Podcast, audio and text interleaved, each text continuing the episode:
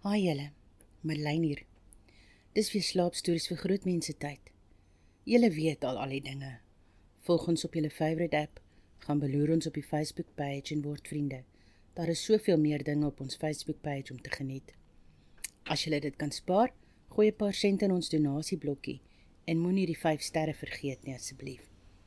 Julle like ons mos, né? En skrywers, stuur julle stories asseblief. Ons hou van skrywers, veral lewendig is. Die wind waai erg hierso vanaand, so daar gaan moontlik 'n bietjie geluitjies in die agtergrond wees. Ons hoop nie dit pla te veel nie. Ons het weer 'n lysie gekry van ons luisteraars en dit was nou weer eens interessant. In Suid-Afrika bly die meeste van julle in Gauteng en tweedens in die Wes-Kaap, derdens in KwaZulu-Natal. Maar ons het 'n paar in elke provinsie. Dit is so awesome. As ons na voorbeeld Amerika kyk, by die meeste van julle en ek neem aan julle is expats in Kalifornië nogal 74% van julle. Wow. Verder is daar ook groot mensies in Missouri, Virginia, Florida, Illinois, Texas en selfs Alabama. Hoe awesome is dit? Ons klink 'n glasie wyn op julle. Asseblief vertel almal ons wil so graag daai syfers sien groei oral in die wêreld. Let's take over the world. Hoop julle geniet vanaand se storie.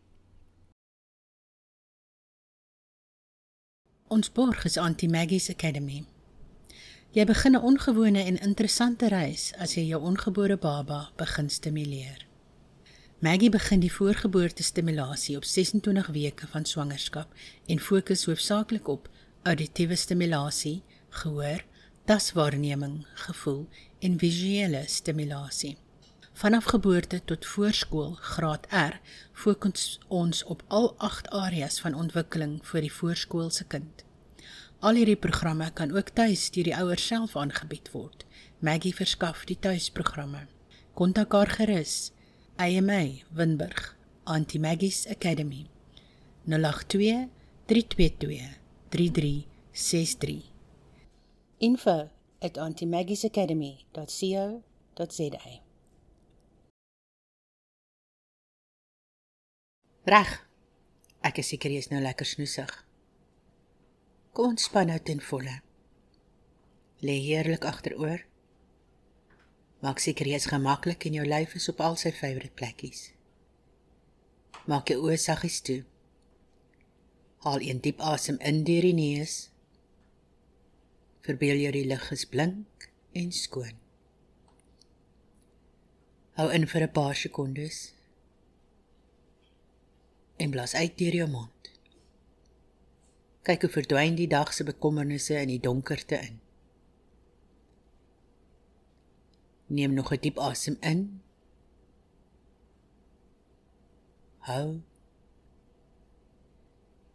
En uit. Voel hoe alle stres stadig uit jou lyf uitdryf. Jou voete voel lig en val selfs kante toe. Bene volg die maag bors arms skouers laat die kakebeen sak. Laat jou kop rustig rus. Asem in en uit. Asem in en uit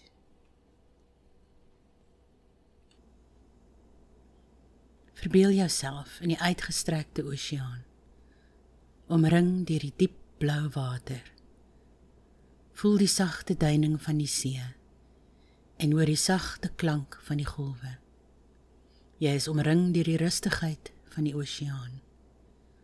'n Afwagting van 'n wonderlike ontmoeting. Sweef rustig deur die water.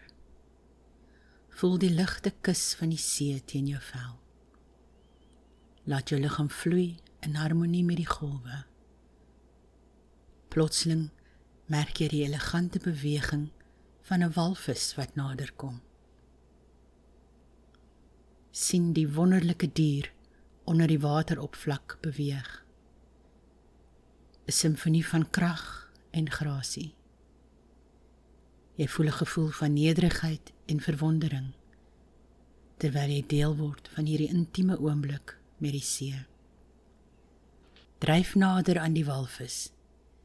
sien die patrone van lig wat deur die water dans terwyl die son deur die golwe skyn. Kyk diep in die oog van die walvis. 'n Oomblik van 'n oeroue verbinding tussen dier en mens. Voel die energie van die walvis. 'n Kragtige en tog sagmoedige siel. Wees dankbaar vir hierdie geskenk van die see.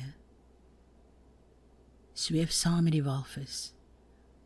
Voel die golwe van sy beweging. Laat die harmonie van die oseaan en die wonder van hierdie oomblik jou siel raak. Dis 'n dans van vryheid en eenwording met die natuur. Vanaand lees ons die verhaal van Kalif Ooievaar.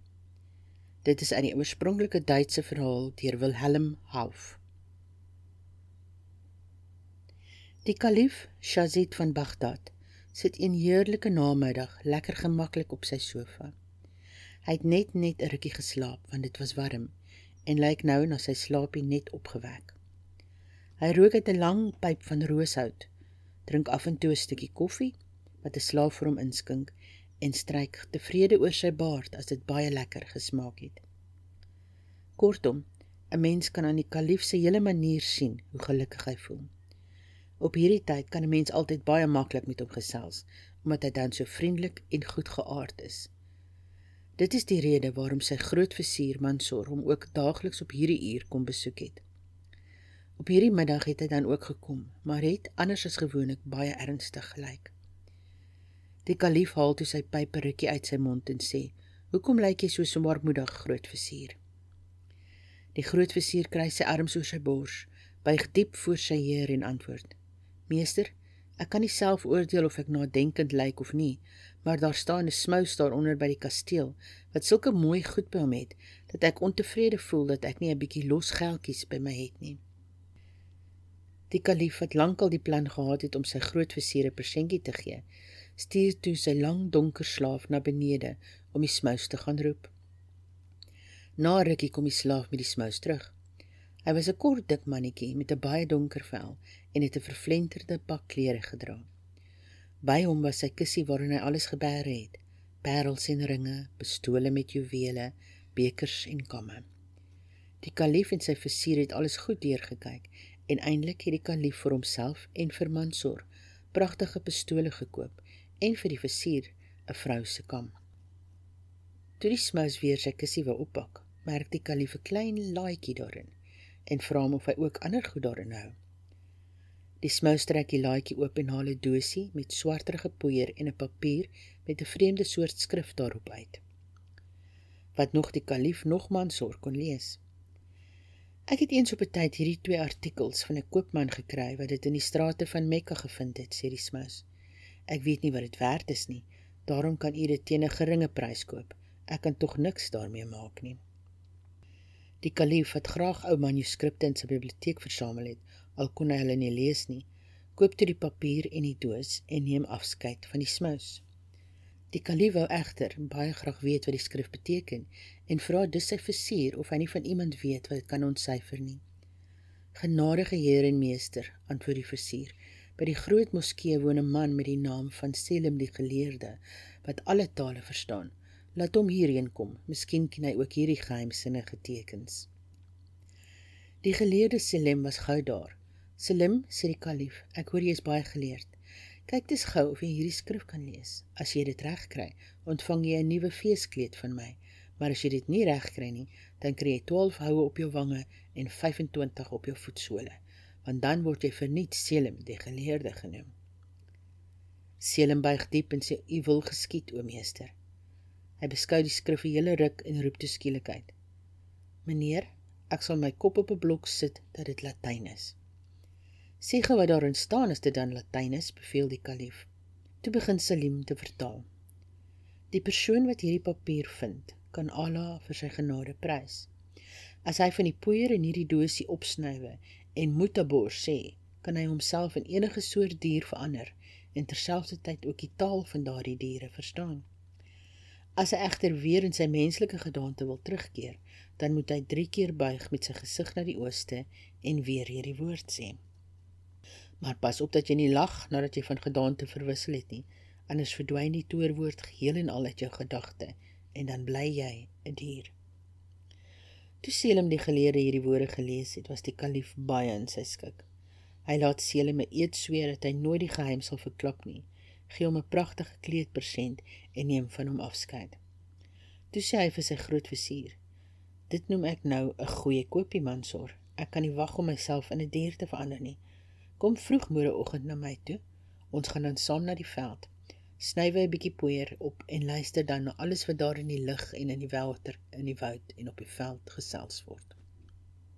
Die kalif Shazid het die volgende oggend net klaar aangetrek en ontbyt geëet toe die groot vizier opdaag om saam met hom te gaan wandel, soos dit aan hom opgedra was. Toe steek die kalif die doosie met die toorpoeder in sy gordel, beweel sy gevolg om agter te bly en stap alleen met die groot vizier die pad af. Eers loop hulle deur die uitgestrekte tuin van die kalif, maar kan nêrens iets lewendigs raakloop waarop hulle hulle toorkuns kan beoefen nie. Eintlik stel die vizier voor dat hulle ent verder moet stap na vlei waar hy al dikwels diere opgemerk het, veral ooievaars, wat hom altyd getref het deur die enaardige geraas wat hulle maak en hulle ernstige houding. Dit het vir die kalif 'n goeie plan gelyk en hy stap saam met die vizier na die vallei. Toe hulle daar aankom, sien hulle een ooievaar ernstig op en af loop terwyl sy padda soek en af en toe met haarself praat. Terselfdertyd merk hulle ook ver bokant hulle in die lug 'n ander ooievaar wat aangevlieg kom. Meester, ek weet hierdie twee lankvoetiges gesels nou so baie lekker met mekaar. Hoe sou dit wees as ons ons met 'n ooievaars verander? Uitstekend, antwoord die kalif. Maar eers moet ons nog 'n keer kyk hoe ons later weer mense kan word. Reg. As ons 3 keer met ons gesigte na die ooste buig en mutabor sê, dan is ek weer kalif en jy visier. Maar ons moet in Vader se naam nie lag nie, anders is ons verlore. Terwyl die kalif praat, sien hy hoe die ander ooievaar oor hulle koppe vlieg en langsaan op die aarde neersak. Hy haal gou die dosie uit die gordel, neem 'n knippie van die snuif, bied die versier dit ook aan en albei roep: "Mutabar." Toe krimp hulle bene in mekaar en word dun en rooi. Die mooi geel pantoffels van die kalif en sy vriend word misvormde ooievaarsklaue. Hulle arms verander in vlerke. Hulle nekke groei ver uit hulle skouers. Hulle baarde verdwyn en hulle liggame word met sagte vere bedek. "U het 'n pragtige snavel, heer grootvizier," sê die kalif, skoon stom van verbasing. "By die baard van die profeet. Ek het in my hele lewe nog nooit so iets gesien nie." "Ek bedank u met u allernederigheid," antwoord die grootvizier terwyl hy diep buig. "Maar met u verlof kan ek u waag om te sê dat u hoogheid selfs as kalif nie so indrukwekkend gelyk het as nou nie." Maar as u dit goed vind, kan ons gerus ons kamerade daar aan die ander kant gaan afloer en probeer uitvind of ons die ooievaartaal kan verstaan. Intussen het die ander ooievaar reeds op die grond geland. Hy maak sy kloue met sy snavel skoon, vou sy vere mooi netjies agtertoe en loop na die eerste ooievaar toe. Die twee nuwe ooievaars kom hastig nader en hoor tot hulle verbasing die volgende gesprek. "’n Goeiemôre mevrou Langbeen, so vroeg reeds op die vlei?" "Dankie vir die belangstelling, liewe klappersnavel. Ek het vir my 'n stukkie ontbyt kom soek. Kan ek vir u 'n stukkie akkedis of 'n paddaboutjie aanbied?" Baie dankie, maar ek het vandag glad nie aptyd nie. Dis ook om glad 'n ander rede dat ek vandag na die vlei gekom het. Vanaand moet ek vir my vader se gaste dans en terwyl dit hier nog stil is, wil ek graag 'n bietjie oefen. Toe begin die jong ooievaar nooi met die wonderlikste houding deur die veld beweeg. Die kalif en mensor beskou haar met die grootste verbasing. Toe sy egter ewe kunstig op een poot bly staan en aanvallig haar vlerke heen en weer wikkel, kon die twee dit nie meer hou nie. Hulle bars uit in so onkeerbare skaterlag dat hulle eers na 'n hele ruk daarvan bykom. Die kalif ruk om die eerste reg. Dit was darm vir jou 'n grap roep hy uit wat ek vir geen geld sou verruil nie. Net jammer dat die onnose voels deur ons gelag weggejaag is. Ter anders het hulle dalk ook nog gesing. Toe eers val dit die groot vizier by dat dit vir hulle verbied was om te lag terwyl hulle in die vorm van diere is. Hy herinner die kalif daaraan o Mekka en Medina. Dit sal darm 'n grap wees as ek 'n ooievaar moet bly. Probeer tog om die lastige woord te onthou, want ek kan dit nou glad nie uitkry nie. Ons moet 3 keer met ons gesigte na die ooste buig en dan sê mo mo Ooh. Hulle draai toe na die ooste en hou aan buig totdat hulle snavels byna die grond raak. Maar helaas, die oorwoord het hulle heeltemal vergeet. Hoe die kalif ook al vooroor buig en die offisier ook al smeekend moo moo uitroep, nie een van die twee kon die woord onthou nie en die arme chassit en sy offisier was nou eenmal ooievaars en so moes hulle bly. Die twee betowerde ooievaars dwaal toe maar troosteloos deur die veld sonder om te weet wat om in hulle ellende aan te vang. Uit die ooievaar gedaante kon hulle nie meer kom nie en nog minder kon hulle na die stad terugkeer met die hoop dat iemand hulle sal herken. Want wie sou 'n ooievaar glo wat sê dat hy kalif is en selfs al gooi iemand hom, sou die inwoners van Bagdad nie 'n ooievaar kalif tevrede wees nie. Met hierdie gedagte dat hulle etlike dae rondgedwaal en van veldvruggies probeer lewe, wat hulle egter beswaarlik met hulle lang snavels kon bykou. Hulle was nie baie aangetrokke tot akkedisse en paddas nie, want hulle was bang dat sulke lekkernytjies dalk vir hulle maagpyn sou gee. Al plesiertjie wat die nare toestand verskaf het, was die vermoë om te kan vlieg, en daarom het hulle dikwels na die dakke van Bagdad gevlieg om te sien wat in die stad gaande is. Gedurende die eerste paar dae was daar 'n groot beroering oral merkbaar en die mense het almal baie treurig en verslaag gelyk maar omtrent die 4de dag na hulle verdwyning sien hulle 'n pragtige optog onder in die straat beweeg. Tamboere en fluitte weer klink en 'n man met 'n goue gestikte skarlaken mantel en baie deftig geklede bediendes ry op versierde perde verby. Feitelik die hele Bagdad juig hierdie man toe en almal roep Heil Misra, die heerser van Bagdad. Toe kyk die twee ou ooivaars op die dak van die paleis na mekaar en kalif Shazid sê: Begin jy al verstaan hoekom ek getoer is, grootvizier? Hierdie Misra is die seun van my aardsvyand, die magtige towenaar Kashnur, met 'n bose eed gesweer het om wraak te neem op my. Maar ek wil tog nie alle hoop laat vaar nie. Kom, getrou vriend, laat ons na die graf van die profeet gaan. Miskien sal die todery by so 'n heilige plek sy krag verloor. Hulle vlieg toe van die paleis se dak in die rigting van Medina. Dit het egter nie te maklik gegaan met die vleerry nie, want albei die ooievaars het tog maar min oefening gehad. O meester, sê die groot visier na 'n paar uur. Ek kan met u verlof dit nie te lank meer volhou nie. Dit sal miskien beter wees as ons eers onderdak vir die nag gaan soek. Shazit het die versoek van sy dienaar toegestaan en toe hy onder in 'n vallei 'n bouval sien wat lyk of dit darm skuilings vir 'n nag kan bied, besluit hy en Mansoor om daarheen te vlieg. Die ou gebou het baie soos 'n kasteel gelyk. Pragtige pilare het hier en daar tussen die bouvalle uitgesteek. En 'n hele aantal vertrekke was nog in 'n redelike goeie toestand. Sajit en sy vriend stap toe deur die gange om eers 'n droë plekkie te soek, maar skielik bly die ooievaar pansor staan. "My here meester," fluister hy saggies. "Dit is jammer dat dit verspot is vir 'n groot visier, veral as hy 'n ooievaar is, om bang te wees vir spooke." Ek voel bra benoud, want ek het duidelik gehoor dat iets hier langs ons kreun en steen. Die kalif bly ook toe staan en hoor selfs 'n sagte gesnik wat meer na die van 'n mens as van 'n dier klink. Vol verwagting hou hy net aanstap in die rigting van waar die klaagtone gekom het, maar die versier pak hom met die snavel aan die vlerke beet en smeek hom om tog nie in 'n nuwe en ongekende gevare te stort nie, maar te vergeefs. Die kalif wat 'n dapper hart onder sy ooievaarsvlerke gehad het, ruk homself met die verlies van 'n paar vere los en stap vinnig 'n donker paadjie af. Na rukkie kom hy by 'n deur wat op 'n skreefie staan en hoor duidelik hoe iemand binne sug en kreun. Met sy snavel stoot hy die deur oop, maar bly verbaas op die drempel staan. Binne in die bouvallige kamer wat net 'n klein venstertjie met eysterstralies gehad het om 'n lig te laat deurkom, sien hy 'n groot naghuil op die vloer sit. Die trane rol oor haar groot ronde oë en uit haar krom snavel kom heus klaaggeluide. Toe sy egter die kalif en sy versier wat onderwel ook nader geslyp het raak sien, skree sy van vreugde. Sy vry fyntjies met haar breingevlekte vlerke die trane uit haar oë en tot albei so groot verbasing sê sy in gewone ordentlikse Arabies: "Welkom ooievaars, julle is die teken van my redding, want iemand het eendag voorspel dat ooievaars my groot geluk sal bring." Toe die kalif weer bykom met van verbasing, buig hy sy lang nek vooroor, bring sy pote netjies bymekaar en sê: "Nagel, as ek nou jou woorde moet oordeel, dan lyk dit amper of jy 'n suster in die verdrukking is. Maar helaas, dit is ydel om te hoop dat jou redding deur ons teweeg gebring sal word, As jy ons storie hoor, sal jy sien hoe hopeloos ons is. Die naghal vra hom toe om dit vir haar te vertel en dit het Kalif ook gedoen. Toe die kalif sy verhaal klaar vertel het, bedank die naghel hom en sê: "Luister jy nou weer na wat ek te vertel het, dan sal jy sien dat ek nie minder ongelukkig was nie. My vader is die koning van Indië en ek, sy enigste ongelukkige dogter, heet Lusa. Die towenaar Kashmir wat julle betower het, het ook vir my in die ellende gedompel.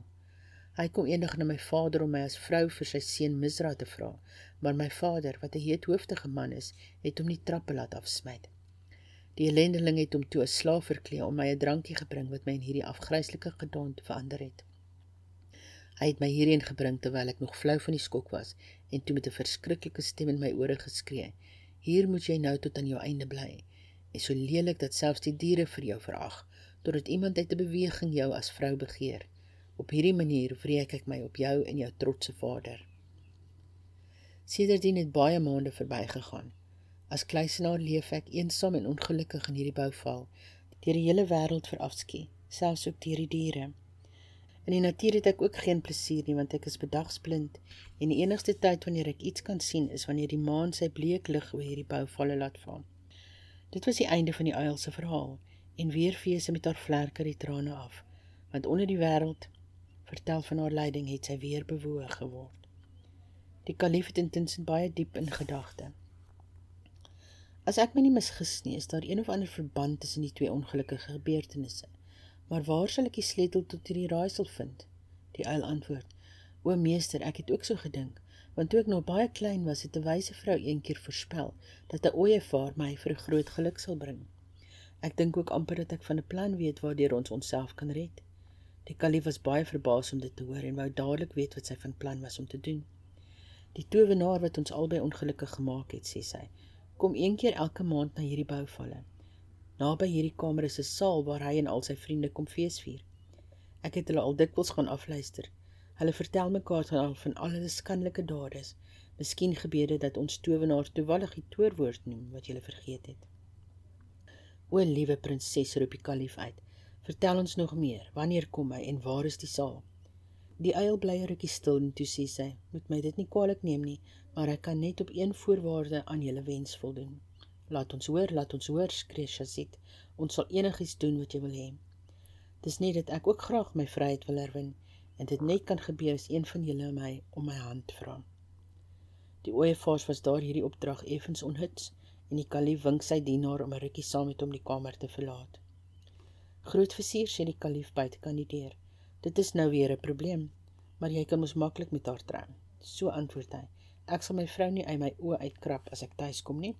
Ek is bytendien 'n ou man en u is nog jonk en ongetroud en ek kan baie eerder met 'n mooi jong prinses trou. Maar dit is juist die kwessie se gekalief terwyl hy sy vlerke bedroef laat afhang. Wie sê nou dat sy jonk en mooi is? Dit noem ek vir jou 'n kat in die sak koop. Hulle redeneer toe nog lank hierdie kant toe en daardie kant toe, Maar toe die kalif eintlik sien dat die vizier liewer se ooievaar sal bly as by die uil trou, besluit hy om self die voorwaarde na te kom.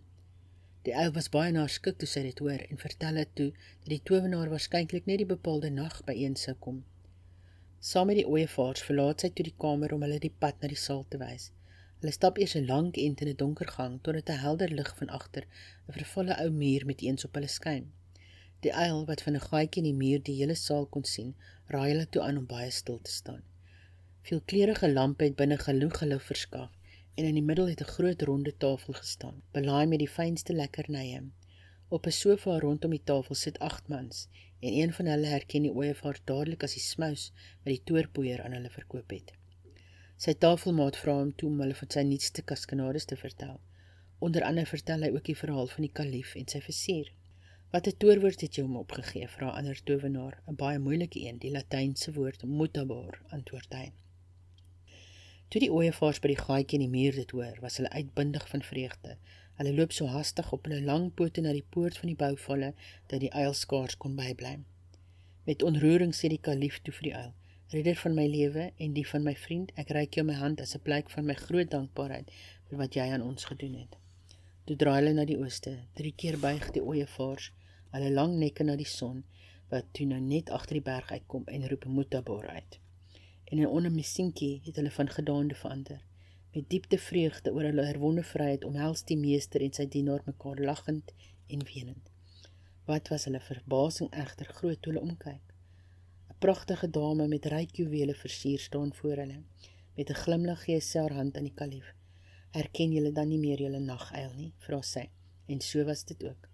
Die kalif was so verruk oor haar skoonheid en lieftalligheid dat hy uitroep: "Dit is die grootste geluk wat my nog ooit te beurt geval het, dat ek 'n ooievaart verander het." Die drie reis toe saam na Bagdad. Die kalif het nie net die dosie met die toorpoeier in sy gordel gekry nie, maar ook sy beursie en hy kon dus in die naaste dorp alles koop wat vir die reis nodig was. Op hierdie manier het hulle gou die stad Bagdad bereik. Hier het die aankoms van die kalif groot verbasing veroorsaak.